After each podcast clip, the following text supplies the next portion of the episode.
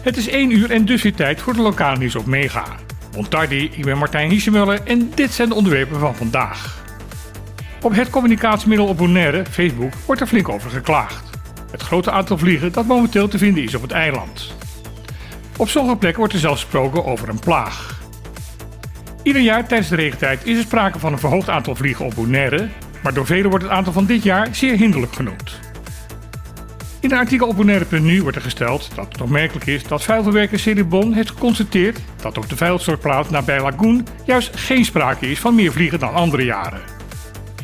Waar die insecten dan vandaan komen is vooralsnog een raadsel. Eind vorig jaar kondigde het OLB een onderzoek naar de overlast aan, maar daar is niet veel nieuws uitgekomen. De publieke gezondheid zegt dat de vliegen niet bedreigend zijn voor de volksgezondheid, maar dat het wel verstandig is om etenvaren op te bergen of af te dekken.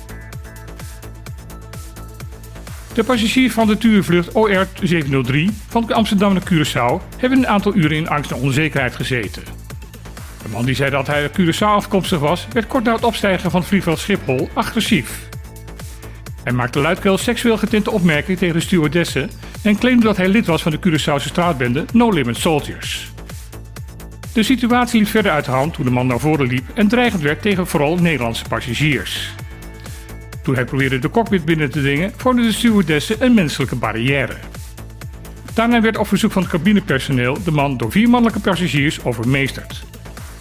De vlucht werd omgeleid naar de Azoren, waar de man werd gearresteerd door een speciale antiterreureenheid. De TUI-vlucht kwam gisteravond in een vertraging van drie uur veilig aan op het vliegveld Hato in Curaçao.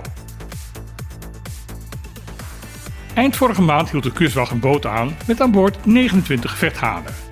De boot was afkomstig van Aruba en onderweg naar Bonaire. Dat is gisteren bekendgemaakt.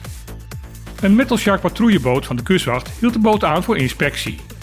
Volgens de papieren was het scheepje onderweg naar Curaçao met 37 levende kippen aan boord. Dit bleken echter 29 vechthanen te zijn. Ook vertelde de bemanning dat de bestemming niet Curaçao was, maar Bonaire. Vechthanen worden gebruikt voor gevechten waar hoge weddenschappen op worden afgesloten. Dit soort gevechten zijn op de ABC-eilanden verboden. Ook is er een verbod op de import van speciaal voor gevechten gefokte hanen. Na overleg met de eigenaar van de hanen werden de dieren door de kustwacht in beslag genomen en overgedragen aan de veterinaire dienst. Al sinds oktober vorig jaar is er geen stationsschip van de marine in de regio aanwezig. Toen vertrok namelijk de patrouilleschip Zijn Majesteit Groningen naar Nederland voor een geplande onderhoudsbeurt.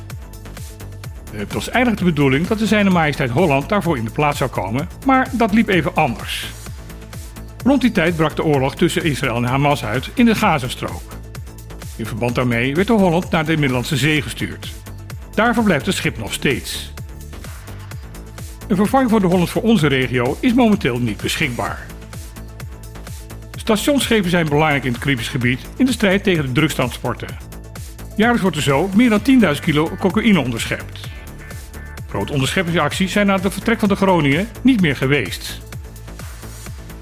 De verwachting is dat na april een schip van de Holland-klasse weer deze kant op kan gaan komen. Dit was weer het lokale nieuws vandaag op Mega. Ik wens iedereen een mooie en niet verdoofde dag toe. En dan heel graag weer. Tot morgen!